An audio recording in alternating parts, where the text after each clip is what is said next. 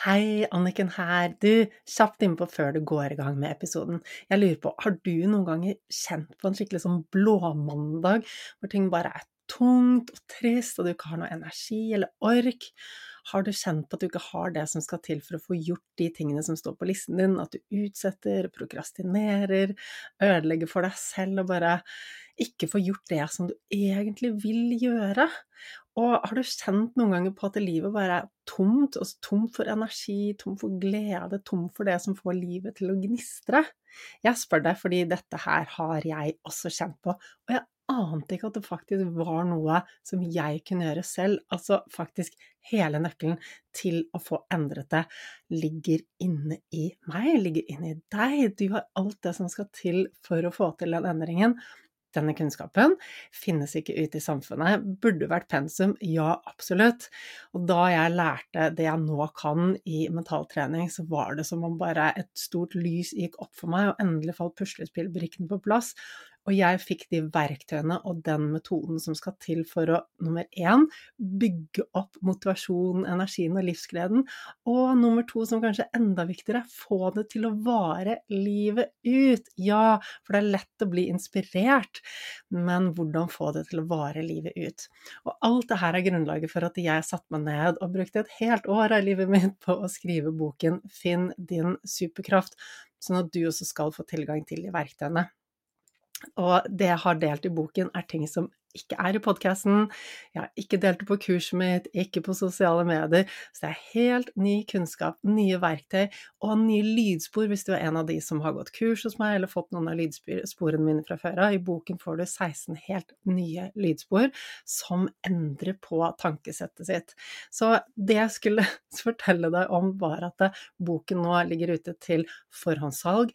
Frem til 1. mai så kan du bestille den på forhåndssalg, og da får du den sendt rett hjem til postkassen din med en gang den er på lager. Og det som er ekstra, ekstra fint med at du bestiller dem på forhåndssalget, og det lærte jeg først nå, siden jeg selvpubliserer og kunne jo ingenting om hva, altså hvordan publiserer man en bok, men nå har jeg skjønt at det, å få solgt mange bøker på forhåndssalget gjør at man lettere kommer inn på boklisten, og den er visst veldig magisk, for når man er der, så er det en stor hjelp. Det gjør at boken får spredd seg til enda flere, enda flere får hørt om det.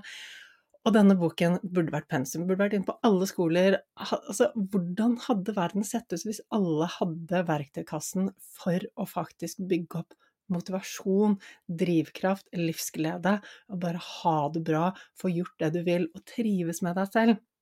Slippe å være passasjer til følelsene dine når følelsene svinger og du bare er tom og skjønner ikke hvorfor. Altså, denne, det er en brukermanual for hjernen som vi alle, alle burde hatt.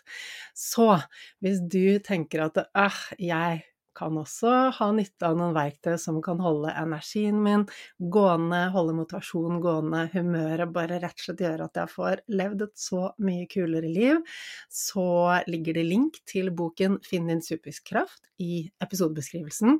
Det er også bare å google Anniken Binds bok, den ligger på Nordli.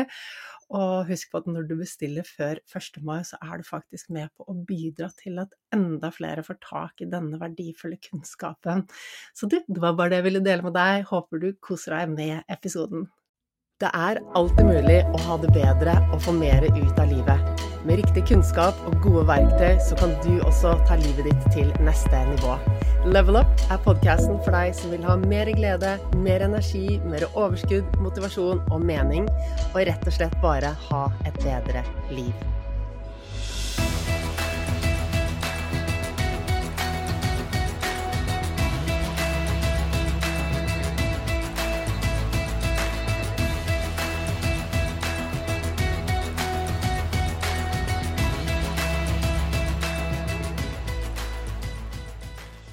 På en skala fra én til ti, der ti er maks og én er bånd, hvor fornøyd er du med livet ditt nå? Sånn helt ærlig, bare sjekk inn med deg selv, det første tallet som dukker opp i hodet ditt. Hvor fornøyd er du med livet ditt? Og ja, dette her er jo helt subjektivt, det kommer litt an på dagsformen. Ikke tenk så mye etter bare det tallet som dukker opp, for det sier deg noe. Og det er klart, denne øvelsen kan du gjøre for de forskjellige områdene av livet ditt. Kanskje du er veldig fornøyd på jobb, ikke så fornøyd på privaten, eller med familie, eller med helse. Det er flere områder av livet ditt, så jo mer du deler det opp og ser på de ulike områdene av livet ditt, jo større klarhet får du, får du i hvor landet ligger. Men først og fremst nå så vil jeg bare vite, på en generell basis, hele livet ditt under ett, der du er i dag, hvor fornøyd er du på en skala fra én til ti? Og er du som meg, som alltid er veldig vekstorientert, så setter du tallet kanskje litt under, fordi da har du noe å strekke deg etter. Det er helt greit. Likevel så gir dette en pekepinn på hvor landet ligger. Eller hva? Jeg tror veldig mange av oss tar til takke med et liv som bare er sånn medium, som er sånn blæ, mæ, ok. Jeg tror det er lett å bare skli inn i en tilværelse som bare Som vi ikke er fornøyd med, men som vi bare godtar at er sånn. Og det trenger ikke være sånn. Og det er mye enklere å snu enn det du tenker ofte så tenker vi at å, for at jeg skal få et mye fetere liv, så må jeg ha et finere hus, en kulere bil, jeg må dra på kulere ferier, jeg må ha en eh, snillere partner eller en, eh, en ny jobb, en mer spennende karriere. Men det er ikke sant. Det er ikke de tingene som definerer hvor bra livet ditt er. Det er hva du føler. Og det du føler, det er det bare det på innsiden som definerer. Det er du selv som er herre over alt det du har på innsiden. Det er klart, nå snakker jeg ikke om store, traumatiske livshendelser, la oss bare holde det utenfor, for det er klart at der har vi noe helt annet å gjøre med. Um, når jeg snakker om følelser og hvordan vi føler oss, og at det er det som avgjør hele livet vårt, så mener jeg ikke at vi bare skal ha gode følelser. Og det er jo viktig at du tar med deg. Jeg tror vi lever i et samfunn hvor vi bare er sånn Å, vi må bare være glad og blide og lykkelige hele tiden, og det er det eneste gyldige, og er jeg ikke lykkelig, så er det ikke bra. Vet du hva? Et godt liv, det handler også om å kunne være trist, og være lei seg, og være skuffet, og være sint, og kjenne på alle de følelsene, og at det er helt ok er det noe trist som har skjedd i livet vårt, så skal vi lage rom for sorgen. Det er del av det å være mennesker. Og vi er ofte så redd for disse ubehagelige følelsene, for vi tror de er feil. Vi har lært på så mange områder i samfunnet at dette er feil. Og skal ikke gå inn i alt dette i denne episoden her, derfor jeg sparer til en annen episode. Likevel så vil jeg at det er viktig at du tar med deg at når jeg snakker om at kvaliteten av ditt liv er definert av dine følelser, så betyr det ikke at jeg mener at du bare skal gå rundt med de positive følelsene hele tiden. Det er ikke mulig, det er ikke fysisk mulig, det er ikke fruktbart, det er ikke ønskelig. Um, det er rett og slett ikke noe vi skal hige etter. Men det går an å omfavne de, ja, de ubehagelige følelsene på en god måte. Fordi det å være trist, det å være lei seg, det å være sint, så lenge vi ser på det som noe feil og noe vi må bort fra, så sliter jo vi med å godta å være i de tilstandene. Men når vi ser på det som noe som er riktig og viktig, det er del av det å være i live, så blir det ok, og da forholder vi oss til det på en god måte. Så sorg kan på sin måte være godt, sinne kan på sin måte være godt, ikke sant? Så det, det er ikke svart-hvitt, og det handler hele tiden om ditt perspektiv, hvordan du velger å se på det. Så til syvende og sist så er alt inni ditt hode. Så ditt liv, den kvaliteten du har på livet ditt, så bra du har det, det er inni hodet ditt. Det handler ikke om de tingene du oppnår på utsiden, selv om det er masse, masse morsomt du kan gjøre på utsiden, men så handler det om hvordan du har det inni hodet ditt. Likevel så er ikke dette noe sånn åh, du må bare fikse det, du må klare alt selv, for jeg mener ikke at du skal klare alt selv. Jeg vet at vi ikke klarer alt selv. Jeg går og får hjelp når jeg har noe jeg trenger å endre på. Jeg er viljesterk. Jeg, jeg har jo drevet med så mye selvutvikling, jeg har utviklet meg så mye men jeg klarer ikke å fikse meg selv der trenger jeg hjelp av andre, og du trenger også hjelp av andre. ok? Så du får veldig mye her hos meg av kunnskap, du får perspektiver, du får bevissthet. Likevel så er det ikke sånn at jeg sitter her og sier at ok, bare ta dette, og så skal resten være greit, og du skal ha kunnet fikset alt. Fordi det forventer jeg ikke, og det tror jeg ikke du heller Eller jeg mener at du heller ikke bør forvente av deg selv, fordi da er veien til skuffelse ganske kort. Ok? Må du bare ha dette unna før vi går i gang. Du, jeg spiller inn denne episoden nå, og da er vi på slutten av året. Dette er en episode jeg egentlig har planlagt å spille inn i et halvt år, så helt irrelevant av hvor vi står nå, så er det du skal lære i dag, kjempeviktig! Fordi det er for mange av oss som går gjennom livet og bare Åh, det er blæ, det er mæ. Og senest i uh, går så tok jeg et par av um, Jeg hørte på en samtale med barna mine og vennene deres, og da overhørte en si Åh, nei, det er så deprimerende med mandager, og jeg må på skolen, og det er så kjedelig, det er så trist, og jeg elsker helgen. Og så sa jeg ok, så begynte jeg å snakke litt om språkbruk. For her har vi veldig mye å hente. Du vet, de ordene du sier høyt, og de ordene du tenker, de påvirker hvordan du føler deg.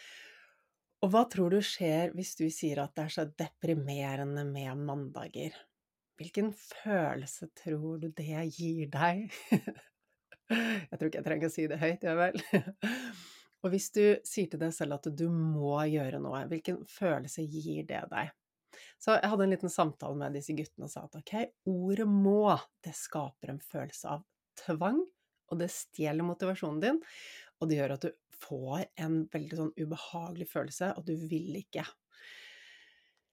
Så hva med å endre det og si at eh, jeg vil, eller jeg får lov til? Jeg får lov til å gå på skolen. Og så dro jeg en liten sammenligningshistorie, fordi det er selvfølgelig viktig å ha perspektiv når vi ehm, ja, perspektiv på oss selv og hvordan vi har det. Jeg fortalte at det er mange barn i verden som ikke får lov til å gå på skole.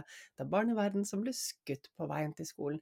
Det er barn i verden som må jobbe på en søppelfylling istedenfor å få lov til å gå på skole. Så hva om dere bare snur det og begynner å si at jeg får lov til å gå på skolen, og bare slutter å bruke ord som deprimerende? Og så overhørte noen andre barn som sa bare 'Å, jeg er så depressed', altså. Jeg, jeg skyter jo inn med en gang, fordi at det, det virker uskyldig, og vi voksne, hvis du har barn eller barn i din nærhet, så, så virker det så uskyldig, de ordene vi bare omgås med. Og jeg hører jo også at folk bruker 'Å, jeg får angst av å sitte i trafikken', 'jeg får angst av ditten og datten'. Nei, du får ikke angst av å sitte i trafikken. Du blir ikke deprimert bare fordi at du må på skolen. Ikke sant? Så det er veldig uskyldig. Barn er små, de bruker disse ordene. Men jo mer og mer de bruker det, jo mer blir det virkeligheten, og det påvirker hvordan vi føler oss. De ordene du bruker, påvirker hvordan du føler deg, det påvirker hvordan du ser på deg selv, det påvirker hvordan du ser på verden. Det påvirker om du ser muligheter eller ikke. Går du, starter, du, starter du dagen med energi og overskudd, eller starter du dagen med å subbe deg ut av sengen? Det er veldig stor forskjell. Det betyr alt for hva du får ut av dagen, for hvordan du har det med deg selv for resultatene dine både på kort og lang sikt. Så her er noe av det første du kan begynne å gjøre, er å være litt mer nysgjerrig på ordene du bruker. Hvor konstruktive er de ordene? De fleste de bruker du på autopilot. Du tenker ikke noe over det, du bare slenger ut et eller annet. Og vi er verdensmestere med å slenge ut ord som 'Å, jeg går på veggen', og 'dette driver meg til van vanvidd', 'og jeg dør av dette', og 'dette er krise'. Vet du hva, i mine øyne så er det krise hvis det står om livet. Det som skjer på Gaza nå, det er krise. Det er veldig, veldig få ting i Norge som er en ekte krise. Så bare velg ordene dine litt med omhu, fordi at de påvirker hvordan du føler deg. Og når du beskriver livet ditt som at ting er krise, som at du holder på å dø, som at du går på veggen, som at du får angst, som at du er deprimert, hva tror du skjer med deg da? Hvordan blir hverdagen din? Hvor motivert blir du? Hvordan kommer du til å føle deg? Hva kommer du til å tenke er mulig i livet ditt når alt bare er liksom grått og tungt, og du bare Energien er sånn at du må bare subbe deg gjennom hverdagen. Det er jo ikke noe godt startsted. Så uansett hvor du er i verden, hvilken dag det er i dag når du hører på denne, gjør meg og deg en tjeneste og bli mer bevisst på de ordene du bruker til å beskrive deg selv og livet ditt, de tingene rundt deg. Og det har så mye å si. Og lær opp barna du møter på din vei også, til at hvert eneste ord har så mye makt. Hvor stor forskjell er det ikke å si fra å si 'jeg må gjøre noe' til 'jeg velger å gjøre det', 'jeg vil gjøre det', eller 'jeg får lov til å gjøre det'. Bare lek deg litt og velg ut de ordene som passer for deg. Um, og så vil du se at det gir, en, gir så stor endring. Så vi er verdensmestere på å leve et liv vi ikke er helt fornøyd med, uten at vi er bevisst det. Vi lever i en verden, en, et liv som gjerne er ganske fullstoppet, lite tid til refleksjon, lite tid til å skaffe oss klarhet, sette ut retning. Vi gjør det som vi eh, tror er forventet at vi skal gjøre. Altså nå når jeg spiller inn denne episoden her, så er det jo rett før jul. Um, og jeg møter så mange som bare Ja, når jeg spør hvordan det går, så bare Å, herregud, å, det, er så, det, er så, mye. Og det er så mye, ikke sant. Det, det får jeg høre den hele tiden. Det er så mye. Det går i ett. Og da vil jeg også slenge en liten utfordring tilbake til deg. Hvis du synes at det går i ett, når skal du sette ned foten? Hvis du syns det er mye, når skal du sette ned foten? Og det er klart, de årene vi har små barn, ja, da er det litt mer. Det å få barn, det, det kommer med en Det kommer med en ansvarsliste. Det er ikke sånn at uh, vi har all tiden til oss selv. Det er ting som skal følges opp. Og det er noen ting som bare som, som er del av det som vi trenger å gjøre. Og så er det noen ting som vi velger å gjøre, noen ting som vi bare sier ja til, og som vi fyller på fordi vi tror at vi forventer av oss selv, vi tror at andre forventer av oss, vi tror at barna trenger det. Vet du hva, skal jeg være helt ærlig, barna dine trenger veldig lite annet enn å være sammen med deg.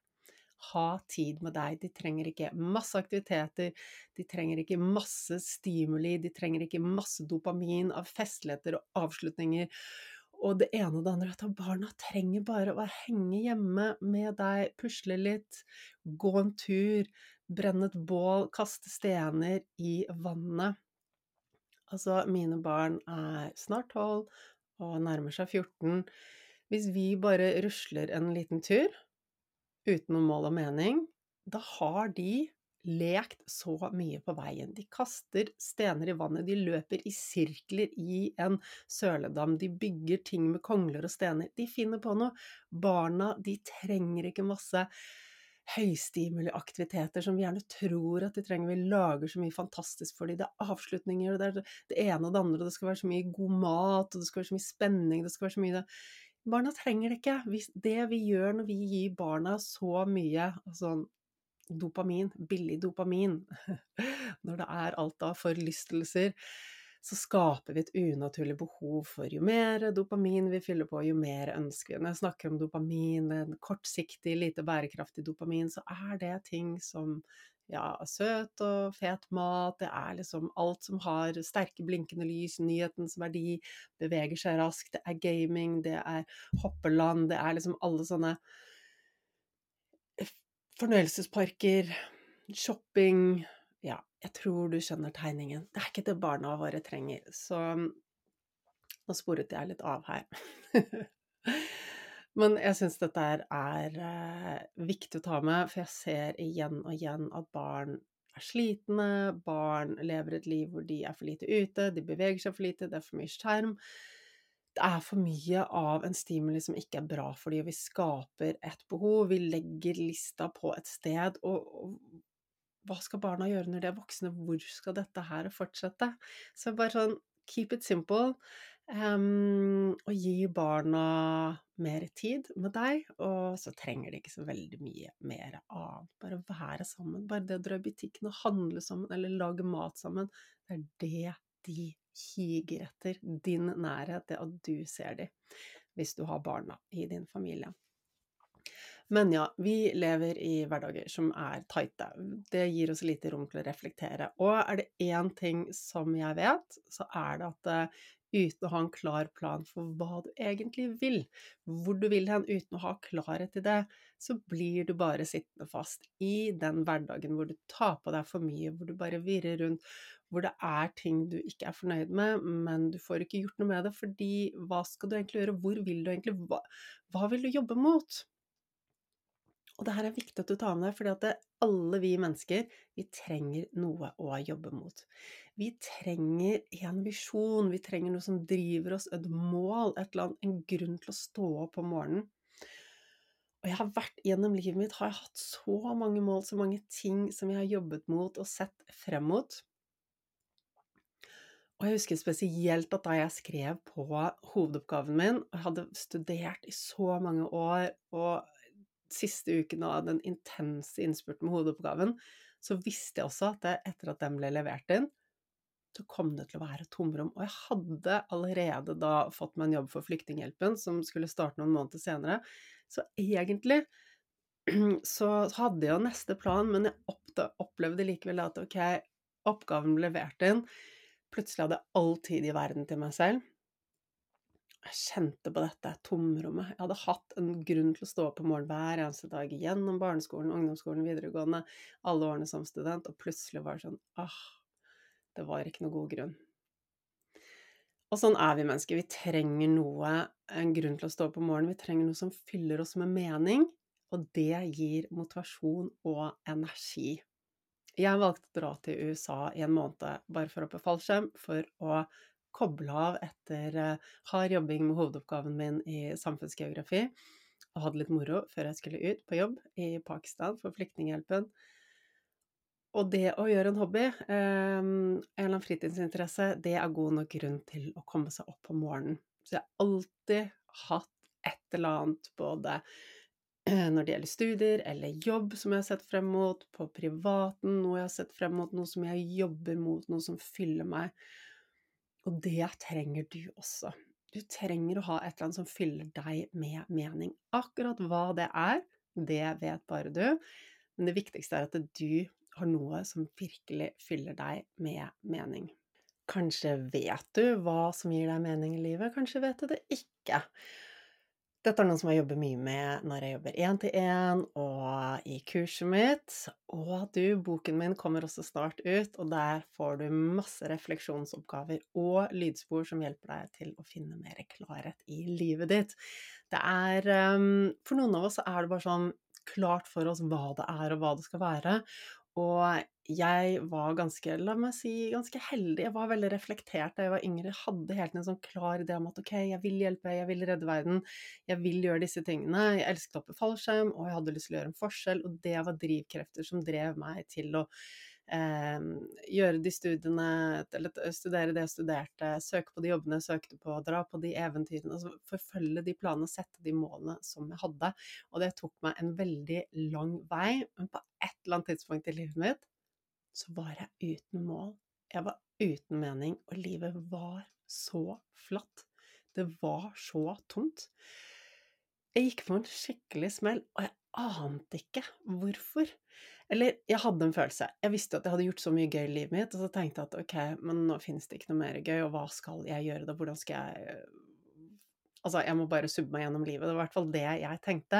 Men saken er at det du kan de teknikkene du har, de verktøyene du har, det tankesettet du har, det er det som har brakt deg her du er i dag. Og det som hadde brakt meg til å gjøre alle de tingene jeg hadde gjort, det var min medfødte evne til å ha perspektiv, til å ha klarhet. Og det var fint, men jeg ante egentlig ikke hva jeg gjorde. Jeg hadde bare hatt flaks. Hadde noen medfødte evner som gjorde at jeg tenkte mye, jeg var bevisst på hva jeg ville, men på et eller annet tidspunkt så kom jeg ikke lenger. Så jeg, jeg sto fast i livet mitt og tenkte at vet du hva, livet mitt er nitrist. Jeg må bare holde ut resten av tiden, for det kommer ikke til å være morsomt lenger. Dette her skriver jeg masse om i boken min som snart kommer. Men saken var det at jeg ante jo ikke noe mentaltrening på, på det tidspunktet, og de verktøyene jeg fikk gjennom mentaltrening, de ga meg muligheten til å gå enda dypere, til å faktisk bevisst reflektere over disse tingene, til å finne ut av hva det var som var viktig for meg, skrive ned verdiene.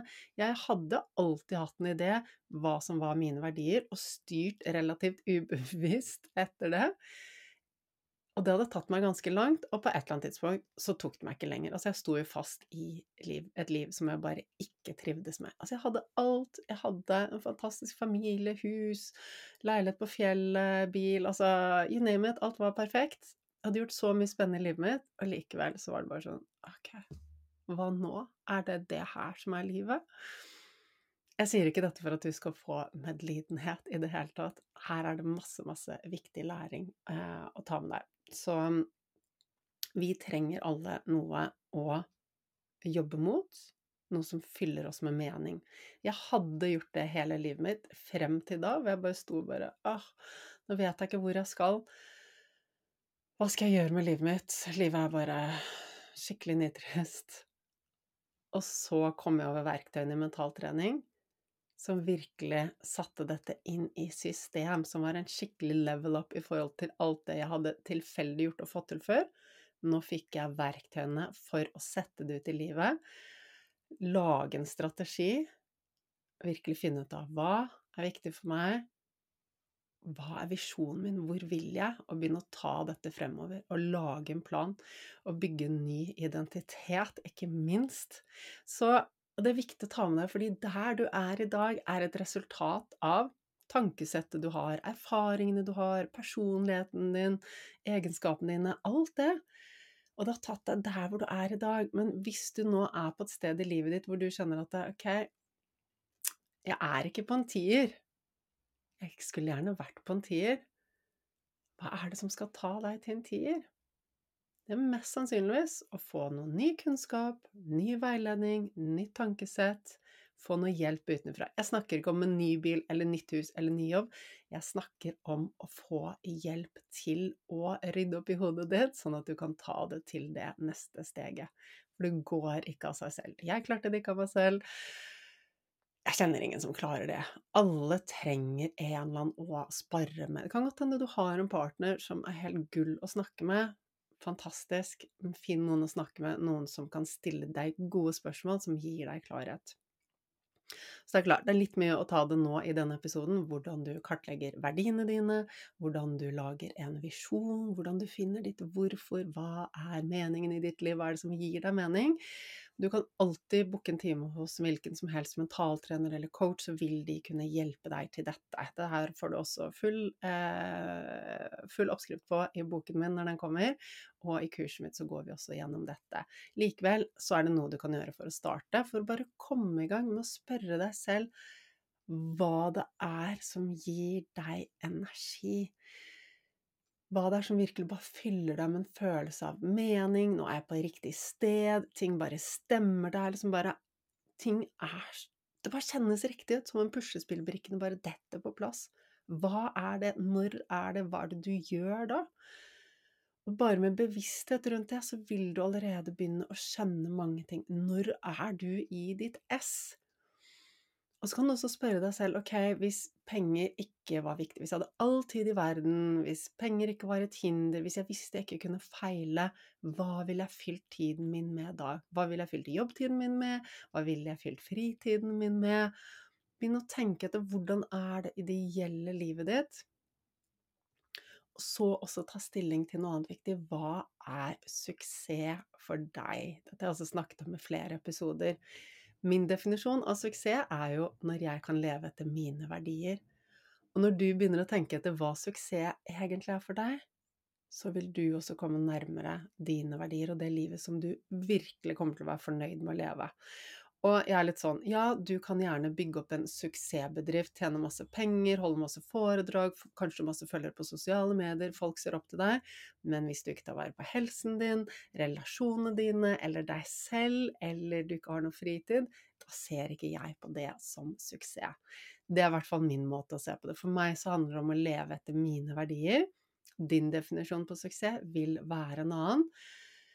Og den vil si deg noe om verdiene dine. Så gå litt inn i deg selv, spør deg selv hva er det som gir meg energi, hva er det som virkelig, virkelig fyller meg? Hvis jeg visste at jeg ikke kunne feile, hvis alt var mulig, hvis jeg hadde all tid i verden, hva ville jeg fylt dagen min med da? Hva ville jeg gjort på jobb, hva ville jeg gjort på fritiden hjemme, hvordan ville livet mitt vært, og hva er suksess for meg? Finn frem penn og papir, sett deg ned og skriv dette ned skal jeg love deg at du får så mye mer klarhet og retning, og kan begynne å rett og slett ta litt mer eierskap til livet ditt, for det, er det det handler om. Så lenge du bare subber deg gjennom livet ditt uten å føle at du har kontroll, gir det en følelse av maktesløshet, og det stjeler motivasjonen din. Så motivasjon, det får du når du er på vei mot et mål. Og hvis du føler at det er alt annet rundt deg som kontrollerer det du fyller dagen din med, ja, men da får du ikke noe motivasjon. Skjønner du? Og motivasjon, det er jo produksjon av dopamin, hvis vi skal være helt ærlige. Dopamin er en fantastisk følelse, og dopamin er noe som frigjøres når du er på vei til noe. Det frigjøres for å gi deg energi og overskudd til å klare å få det du er ute etter. Så hvis du føler at det er omgivelsene som bestemmer hva som skjer rundt deg, da trenger du ikke noe dopamin, for skal ikke du gjøre en innsats for å få det til? Men når du tar kontrollen, når du setter deg i førersetet, når du bestemmer 'jeg vil at det skal være sånn', og jeg gjør en innsats for at det skal være sånn, Vet du hva som skjer da? Jo, på magisk vis så frigjøres det masse dopamin, og du får energi, du blir glad, du blir motivert. Det har så mange positive ringvirkninger. Du kan ikke sette deg i førersetet med mindre du vet hvor du skal kjøre hen, og det er der klarhet kommer inn i bildet. Så du, nå når jeg spiller denne episoden, så er vi på slutten av ett år, vi skal starte på et nytt år. Passer helt perfekt å spille inn en episode som har stått på listen i et halvt år. Det har vært et busy år. Jeg har operert nakken, jeg har hatt mye mindre kapasitet enn vanlig. Jeg har skrevet en bok som har tatt så mye lengre tid enn jeg trodde. Uansett, ferdig med det. Um, det er ikke alltid mine to do-lister blir fullført heller, og det er helt greit, jeg slår meg selv aldri i hodet for det, men gode ideer de blir værende på tegneblokken, og så setter jeg det ut i livet når jeg er klar. Og nå er det da like før vi runder av nyttår, så hvilken bedre tid eh, finnes det vel å spille inn en episode om å ta mer eierskap til livet ditt? Og det at du faktisk kan designe ditt liv sånn at det blir sånn som du vil ha det. Og hvor skal du starte da? Fint, nå begynner du å få litt mer klarhet, du er bevisst på at du er et eller annet sted på skalaen 1 til 10 i forhold til hvor fornøyd du er med livet ditt, og du har kanskje lyst til å hoppe et par tall opp, eller flere, på denne stigen. Det er jeg helt sikker på. Så hva skal du gjøre da? Jo, det er veldig lett. Det er veldig lett for oss å ende opp med å ha et fokus på der vi ikke vil være. Ikke? Nå har du ok, du har satt et tall mellom 1 til 10, du er et eller annet sted der. La oss si at du satte en 5. Ok, så er det litt sånn å, jeg satte satt en 5, jeg er ikke fornøyd med livet mitt fordi at eh, helsen er dårlig, det er for mye stress, jeg sover for lite, sjefen er trangsynt liksom Bare sånn lang liste over alle de tingene du er misfornøyd med. Og så er det lett at fokuset ender opp der. Og skal jeg si deg en hemmelighet? Så lenge du driver og tenker på de tingene du ikke er fornøyd med, så fortsetter du bare å være i de tingene. Og jeg vet, vi kan ikke bare ta bort si Nå skal jeg ikke tenke på det jeg ikke er fornøyd med. Det funker ikke. Det som funker, er å begynne å tenke mer på de tingene vi er fornøyd med, og de tingene vi vil ha mer av. Så hva er det du vil ha mer av, og hva vil du fylle livet ditt med, og hvordan vil du at det kommende året skal bli. Uansett når du hører på denne episoden, sett deg ned og, og virkelig tegne opp og skriv ned hvordan vil jeg at det kommende året mitt skal bli. Eller hvordan vil jeg at livet mitt skal bli? Fordi når du skal begynne å planlegge fremover for å få mer fokus på det du vil ha, så trenger du å ha mer klarhet i det du skal ha. Flott at du begynner å tenke over hva som gir deg energi og verdiene dine, men vi skal bare zoome enda lenger ut hoppe ti år frem i tid. Ja, jeg vet at for mange så er det sånn Å, hjelp, om ti år! Kanskje du er pensjonist, kanskje du har fått barn da, kanskje barna har flyttet ut. Hvor er du om ti år? nå kan du gjerne lukke øynene, med mindre du sitter og kjører bil eller eh, gjør et eller annet som, hvor det ikke passer seg. Så kan du gjerne bare lukke øynene og se for deg deg selv om ti år. Den versjonen av deg selv som du kommer til å elske å være. Altså, hvor i verden er du? Så bor du i Norge, bor du i utlandet? Bor du halve tiden i Norge, halve tiden i utlandet? Eh, hvordan ser familien din ut? Relasjonene dine? Hvordan er helsen din? Hva er det du driver med på fritiden? Hvilke aktiviteter driver du? Hva fyller du hodet ditt med? Hva gjør du jobbmessig, karrieremessig? Kanskje du er pensjonist, men du fyller helt sikkert tiden din med noe spennende som virkelig gir deg mening. Hva er dette? Tenk at penger er ikke en hindring, tid er ikke en hindring, du kan ikke feile, du kan få til alt. Hvordan ser livet ditt ideelt sett ut om ti år? Og bare ta det inn, ser det for deg, og nå vil jeg at du bare gir deg selv tillatelse til å drømme. Til å ta det et par skritt høyere, et par levels up. Ikke tenk ut ifra det gamle tankesettet ditt, de gamle perspektivene, den gamle kunnskapen din, de gamle begrensningene, de tallene som gjør at du ikke har nådd en tier på stigen. Ikke tenk ut fra det, tenk ut ifra det du ønsker. Og legg bort alle tanker om hvordan du skal få det til, bare tillat deg selv å drømme. For det er ingen sjanse i havet at du kommer deg noe videre hvis du ikke tillater deg selv å drømme, og hvis du bare tenker på begrensningene dine. Hvordan du skal få til å komme dit, det trenger du ikke vite nå. Den veien blir til mens du går.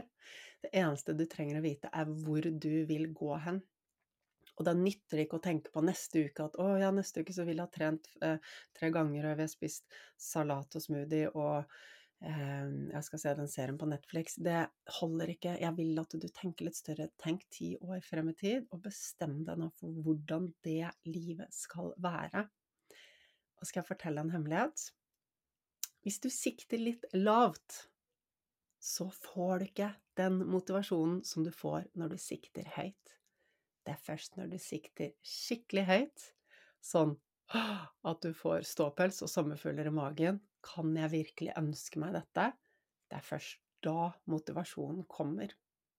For hvis det er for enkelt, så trenger jo ikke kroppen produsere så mye dopamin for at du skal få det til. Du vet at hjernen kaster ikke bort ressurser. Hvis det er veldig enkelt å oppnå det du har sett for deg, hvis du safer den, så får du ikke det samme dopamin og motivasjonen. Det får du når du sikter høyt. Så gjør deg selv en tjeneste. Gi deg selv tillatelsen til å bare sikte høyt og bare ah, om ti år så vil jeg være der. Sånn skal livet mitt se ut. Og jeg sjekker ofte inn der eh, med meg selv og med mannen min, fordi at eh, jeg kan godt drømme og planlegge for meg selv, men vi lever i en familie. Vi er i et parforhold, og på et eller annet tidspunkt så flytter barna ut, og vi skal fortsette å leve sammen. Det er i hvert fall min visjon, og det er hans visjon. Og da er det viktig at vi også vokser sammen og planlegger sammen og sjekker inn med hverandre. Hva vil du, hva vil vi, hvordan skal livet vårt ideelt se ut? Det er mange ting vi kan fylle dagene med. Det er mange ting jeg kunne fylt livet mitt med, og mange ting jeg ville vært veldig fornøyd med å fylle livet mitt med. Og de planene jeg har nå, de er jo et resultat av at jeg har tilegnet meg mannen min sine interesser også.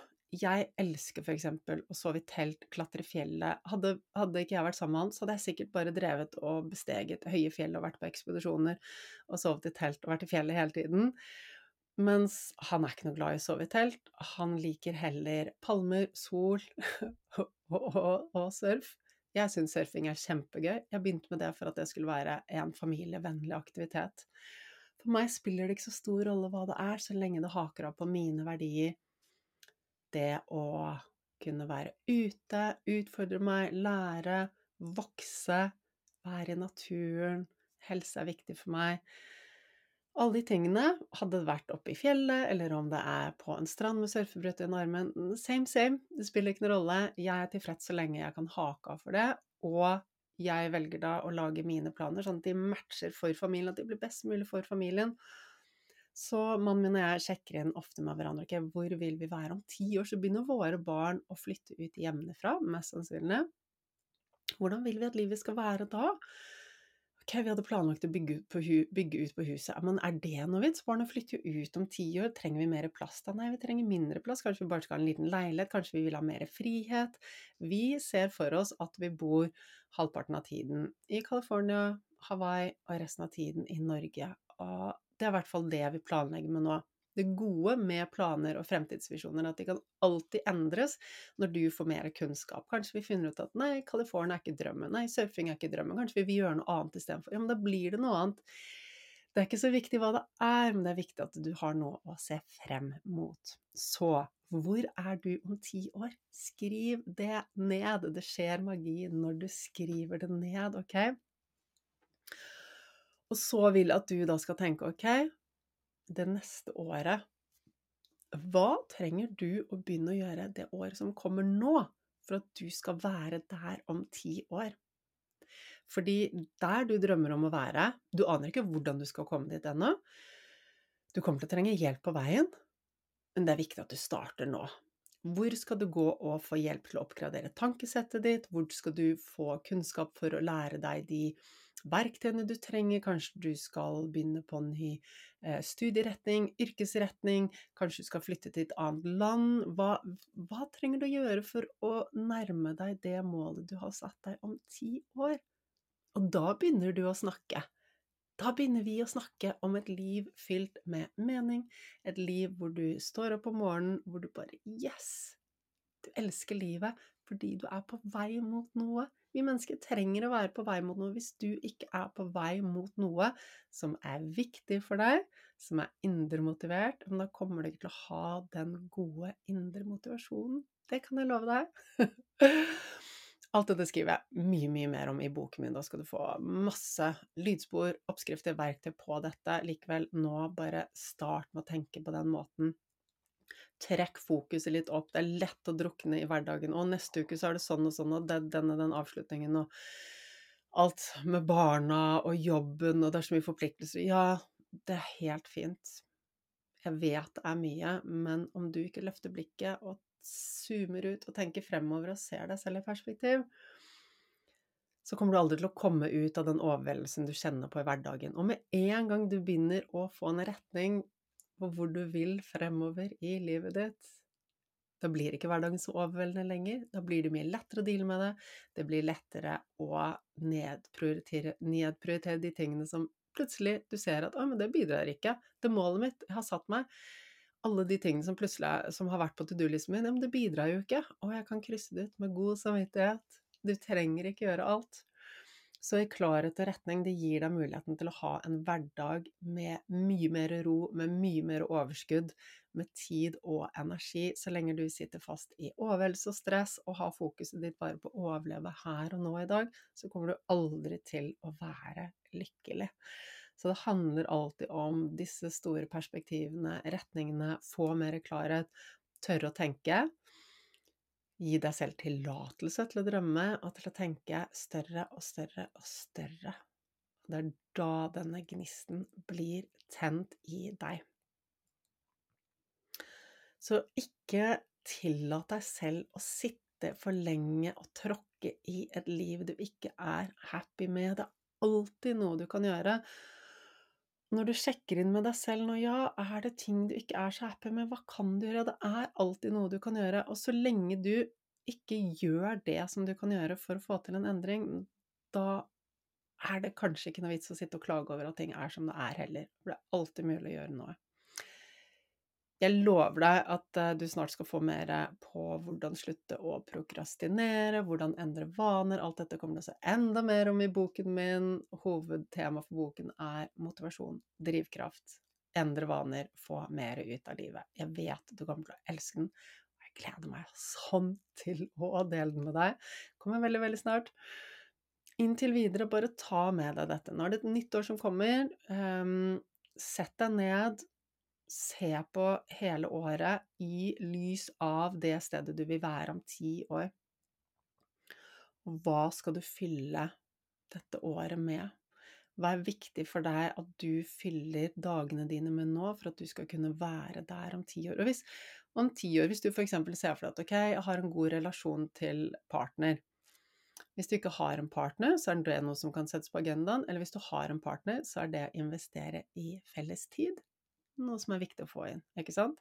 Så jeg snakket med mannen min her i, for et par dager siden, så sa jeg vet du hva, vi, vi, har, vi, er veldig gode på å sette av tid til hverandre på sommeren når vi har båten på vannet og vi drar ut og surfer. Da er liksom Da er, er Da blokker vi av så mye tid i kalenderen som bare er til oss to. Og på vinteren, i helgene, så drar vi på fjellet. Eh, men da er det ikke bare oss to, da er vi hele sammen som familie. Når har vi ellers satt av tid til bare oss to? Ja, men det har vi jo ikke. Så da innså vi innså, Begge vi to er veldig bevisste på at ok, vi skal være sammen for alt, og vi skal ha et godt forhold. Og du, et godt forhold, det går ikke av seg selv. Du, du, trenger å investere for å få det til å bli bra, og da er det viktig å sette av tid til hverandre. Så vi var sånn, ok, jeg tror vi kanskje rett og slett bare får plotte det inn i kalenderen, at vi setter av tid til hverandre. Så det er noe som jeg skal begynne å gjøre mer av til neste. Bare sette av rene kvelder i tidsbolken som er sånn Det er kjærestetid. Ok, hvis du ser for deg at om ti år så har du god helse Det funker ikke da å begynne om ti år og investere i helsen, selvfølgelig aldri for sent, men jeg anbefaler deg å starte nå. Så det kommende året, hvis god helse er viktig for deg, hva gjør du det kommende året for å investere i din helse? Og det som er viktig nå, da, er at det, Istedenfor at du sitter og 'Å ja, ja, ja, nå skal jeg sette av masse kjærestetid, jeg skal sette av masse tid til å trene, jeg skal sette av, og jeg skal spise sunt, jeg skal lage mat fra bunnen, jeg skal gjøre alle de her tingene'. Nydelig, kjempefint. Um, men det jeg vil at du skal gjøre, er å faktisk legge det inn i kalenderen din legge det inn i kalenderen din. Jeg har hviletid i kalenderen, jeg har treningstid i kalenderen, og nå snart kjærestetid også. Jeg har tilstedeværelsetid med barna i kalenderen, og jeg har jobbtid i kalenderen. Alt det her er i kalenderen. Og de ti tidspunktene hvor jeg ikke skal jobbe, hvor jeg skal koble helt av, da står det 'koble helt av'. Det står 'fri'. Når det er ferier og helger, da er det ikke noe jobb. Jeg åpner ikke Mac-en min, og det er jeg helt nazi på på, fordi at eh, hvis jeg begynner å la disse tingene liksom skli inn i hverandre, så forsvinner fokuset, energien eh, og helsen min. Så jeg er helt nazi på at eh, ok, jeg har nøye skille. Har jeg satt av at jeg skal hvile i kalenderen, så skal jeg hvile. Jeg skal koble av, jeg skal leke, jeg skal moro. Og når jeg planlegger hele året, så jeg, så planlegger jeg jo alltid spennende, morsomme ting, og det står lek, og det står moro, og det står surf, og det står kose meg, og det står hvile, og så står det alle de målene jeg har for businessen også, og for familien gjennom året. Alt det tegna inn på ett ark, sånn at jeg kan ha oversikt over det. Så jeg vil at du også nå begynner å venne deg til, ok, ja, du vil kanskje få trent og alt det der, men putt det inn i kalenderen din også. Og ikke bare putt masse ting inn i kalenderen, ha et realistisk forhold til, ok, det jeg putter inn nå, alle de tingene som står der nå, går det i det hele tatt i hop? Er det for mye? Har jeg lagt inn nok hvile? Har jeg lagt inn nok ikke-tid? Tid som det ikke er noen ting. Jeg har veldig mange kvelder i uken hvor jeg har null ting på agendaen. Altså, når jeg sier null, så mener jeg null. Og det er ikke sånn at det, å, da fyller jeg det med masse husarbeid. Nei, jeg setter meg ned med barna, snakker med de, pusler litt, legger meg ned på gulvet, går en tur, jeg gjør akkurat det jeg vil ikke noe fornuftig. Når det er dødtid, altså ladetid, kobla tid, så skal det ikke fylles med noe fornuftig. Okay? Så hvordan dette ser ut for deg, det aner jeg ikke. Du må selv ta dette her inn i livet ditt. Men jeg kan love deg at hvis du føler at mandagen er litt tunge, du subber litt av gårde, mangler litt motivasjon, så er det her du skal starte. Begynn å få mer klarhet, mer retning. Hvor vil du være om ti år? Hvordan ser det ut i det kommende året? Hvordan lager du plass til det i kalenderen, og prioriterer de viktige tingene? Hvis helse er viktig for deg, få det inn i kalenderen. Det betyr hvile, det betyr næring, det betyr dagslys, turer, altså hva det nå betyr for deg, helse. Og så kan alt det andre komme etterpå.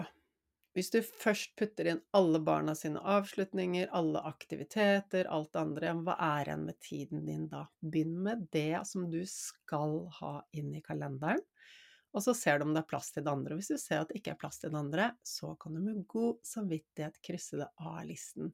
Det er veldig få andre ting som egentlig er viktig, hvis det går på bekostning av din helse, din energi, det at du har det godt med deg selv. Fordi når du subber av gårde og ikke har noe å gi til verden, så er ikke, du, så er ikke du der du skal være.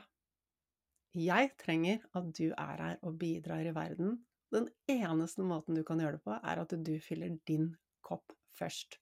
Så slutt med dårlig samvittighet for å prioritere deg selv. Slutt med å tenke at det er egoistisk. Det er det viktigste du kan gjøre. Og jeg tenker liksom spesielt i de tider her, det er så mye usikkerhet, det er krig, det er bare sånn Altså, bare det å åpne avisen er jo bare sånn Å, herregud, det er helt Det er så overveldende og så mye, og så kan det føles så men skal jeg sitte og gjøre ting som er bra for meg? Ja, det skal du søren meg, fordi det er den måten vi endrer verden på. Når du har god energi og gir det videre, så er du med på å skape en forskjell. Og vi trenger deg.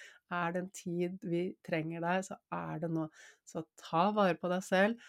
Skap deg et liv du elsker å leve, så kommer du til å ha så god påvirkning på så mange, mange andre rundt deg.